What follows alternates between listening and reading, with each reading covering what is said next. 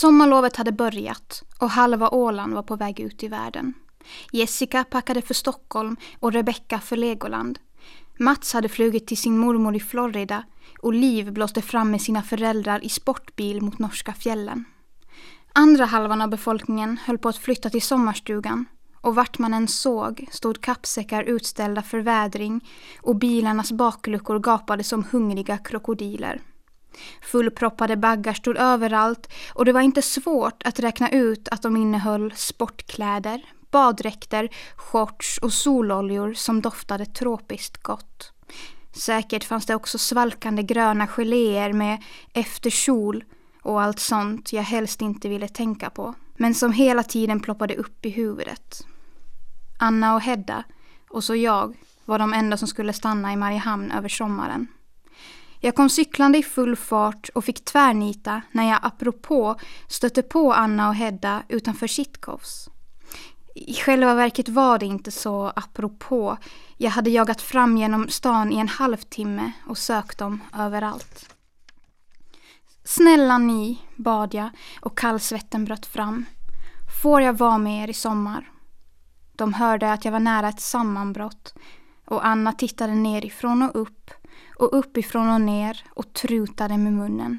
Hon log hoppgivande med ögonen och klippte med fransarna. Hon viskade något i Heddas öra och jag kunde nästan slappna av. Sommaren var räddad, tänkte jag. Men där tänkte jag fel. Lilla Klara Engberg, sa Anna och låtsades se sträng ut. Hur kan du inbilla dig något så dumt? Hedda fnissade så att hon måste vända sig bort och då passade jag på att svänga cykeln och rivstarta mot torget så att sanden yrde. Det var nästan synd om mig och det var mammas fel. Mamma hade varit hemmafru så länge jag mindes men i maj hade hon plötsligt börjat arbeta på kontor och därför måste vi stanna i stan. En dag hade hon kommit hem med en ny mobil till mig och sagt Du är en stor flicka nu, du klarar dig nog ensam. Jag tänkte att hade pappa varit hemma hade han avstyrt allt sammans. Pappa hade säkert sagt att mamma kunde börja jobba till vintern bäst hon ville. Men över sommaren måste hon vara hemma. Pappa är sån. Han tänker alltid på mig. Men nu var pappa kapten på sitt fartyg som går mellan Sydafrika och Amerika och han kunde inte hejda mamma. Det sved i halsen, men jag grät inte. Jag cyklade genom stan och jag trampade allt jag orkade längs Torggatan. Det svartnade för ögonen och dunkade i huvudet, men jag stannade först när jag var hemma hos oss. Jag stod på gården till vårt hus med mörker i huvudet och flåsande som en hund. Jag var så anfådd att jag inte kunde ta ett enda steg. Jag låtsades titta på vårt hus som är stort och gult med vita knutar. Det är i två våningar och har glasbalkonger med randiga markiser både mot gatan och mot trädgården. Överst finns en tredje våning som är lägre än de andra. Där finns en liten vind med sjömanskistor, dammiga kartor, sjökort och annat skräp. Jag stod kvar tills det klarnade i huvudet. Sen sparkade jag av mig skorna och tog en barfotarunda över gården. Vår gräsmatta har tunna mjuka strån och den är skön att gå på. Den är en sån som växer under stora täta lövträd. Vi har alltid skugga hos oss, förutom vid lekstugan där solen silar in en stund på förmiddagen. På eftermiddagen steker den också mitt rum i övervåningen en stund. Där har vi ingen markis, så det blir varmt som i en bastu. Jag gick in och bredde en smörgås och jag gick omkring utan att bry mig om att brödet smulade. Jag kikade in i mammas sovrum. Hon hade bäddat med det rosiga sängöverkastet och radat gulliga kuddar som mångade rymdes i sängen. Mamma är född till prinsessa och det går aldrig över. Det brukar pappa säga. Han brukar också säga att förr var hon liten och smal och klädde sig som en riktig prinsessa. Nu är hon stor och rund och klär sig som vanligt folk. Jag gick till pappas rum och satte mig på sängen. Mamma har naturligtvis bestämt möbleringen också där, men jag tror att pappa är nöjd med det vita och det blå. Jag försökte faktiskt hitta på något att göra, men snart var jag ute igen. Cykeln rullade iväg av sig själv längs Ålandsvägen. Jag behövde knappt trampa. Den vände av längs Stora gatan och fortsatte längs östra utfarten. En liten stund var jag inne i biblioteket och läste Kalanka, men jag hade inte tålamod att sitta still, så snart var jag ute igen. Jag köpte jordgubbsglass i våffla och satte mig på plaststolen vid kiosken.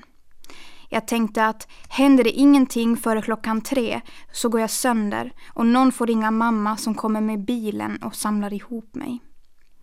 Just då mindes jag eftermiddagsfärjorna och smulade våfflan åt fåglarna och trampade iväg rakt genom stan till Västerhamnen och terminalen. Två blåvita och två rödvita färjor stod och svängde där ute och turades om att öppna luckorna för passagerarna. Först kom en familj med två pladdrande småungar och ett knyte som skrek hjält i kärran. Jag som vanligtvis gillar att gulla med barn blev just då väldigt glad för att jag inte hade några småsyskon. Så besvärliga var de här tre. Pappan hejdade en taxi och innan de hade proppat in sig i bilen hade den ena pojken stuckit iväg.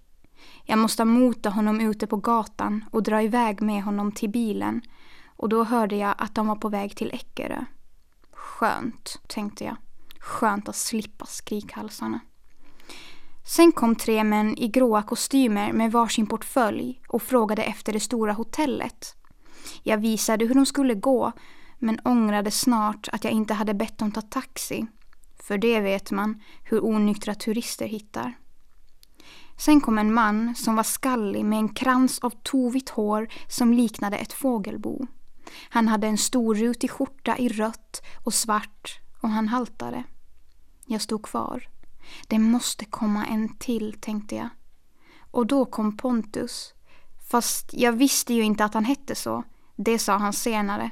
Jag bara såg att han hade en väska som var alltför tung och att han hade en till som var långsmal och lätt. Min första tanke var att jag skulle reservera honom som slav ifall han stannade över sommaren. Jag hade själv varit slav åt Jessica och Rebecca hela vårterminen och köpt bullar och läsk när de hade fest. Jag hade inte förtjänat så mycket men det var ändå roligt för Jessica och Rebecca gillade mig. Jag ställde mig i vägen för Pontus men han tog en krok och började gå mot museifartyget Pommern. Han tvekade redan vid Sjöfartsmuseet som om han inte kunde bestämma sig. Skulle han ta sjöpromenaden eller Hamngatan? Då förstod jag att han var ny i stan. Han var osäker på vägen och när han vände sig om var jag där. Vad hänger du efter mig för? sa han och lät irriterad. Det här är en allmän gata, sa jag. Jag brukar gå här. Lägg väskan på pakethållaren så behöver du inte bära. Han var längre än pojkarna i min klass. Han hade mörkbrunt hår och mörka ögon och han var vit som gips i ansiktet. Han såg trött och tangspridd ut, men han såg mig. Han tyckte väl som mamma, tänkte jag. Han tyckte väl att jag borde ha lockar. Flickorna i min klass hade redan bröst, men mina hade knappt börjat växa ännu. Och säkert såg han också det. Men väskan var tung och han lyfte upp den på pakethållaren. Vi gick mot badhusparken och han gick bredvid och höll fast väskan med vänstra handen. På den högra bar han den mindre och ovala väskan och jag sneglade på honom i smyg. Han skulle säkert bli en bra slav. Jag heter Klara, sa jag. Vart ska du? Han var besvärad och såg ner i marken och han svarade inte. Vart är du på väg? sa jag. Han hade inte räknat med mig. Jag såg det. Han hade tänkt irra omkring för sig själv tills han hittade huset han sökte. Men nu såg han upp och hans ögon var blanka. Jag tänkte att kanske var han ingen typisk slav i alla fall. Han skulle säkert tappa bort sig i stan. Kan du behålla en hemlighet? sa han och jag nickade. Svär du på att ingenting säga? Inte ett ord, sa jag. Lita på mig. Hans ögon smalnade och blev gula som en katts. Jag har rymt, sa han lågt. De tänkte sätta in mig på barnhem, men jag hann sticka. Är det sant, viskade jag. Är det faktiskt sant? För nu äntligen hade något hänt i vår lilla stad där ingenting någonsin hände. Det är sant, sa han med en målbrottsröst som sprack. Kommer jag fast sätter de mig i fängelse och jag får leva på vatten och bröd. Jag tänkte att nu överdriver han allt för jag vet att man inte brukar sätta barn i fängelse. Men jag sa inte emot honom. Jag gillade hans sätt att lägga fram saken. Har du mördat eller stulit? frågade jag, men han skakade på huvudet. Ingenting förutom att jag åkte gratis med färjan. Men vad har du gjort då? frågade jag. Mamma gick med huvudet in i väggen, sa han. Det är hela felet. Och sen berättade han att han hette Pontus och bodde i Helsingfors. Hans pappa var död, men han hade en faster som bodde i vår stad. Han kände inte till adressen, men han tänkte söka upp namnet i en telefonkatalog. Vad heter hon? sa jag. Nadja Karlsson, sa han och jag visslade. Känner du henne? frågade han. Hon bor granne med oss, sa jag. Då hittar du dit, sa han. Naturligtvis, sa jag. Men varför går vi åt fel håll? Har du aldrig förr varit här? Inte sen jag var fyra eller fem, sa Pontus. Och jag vet inte om hon tar emot mig. Då förstod jag på riktigt att han inte var en sån man tar till slav. Pontus behövde hjälp. Min hjälp.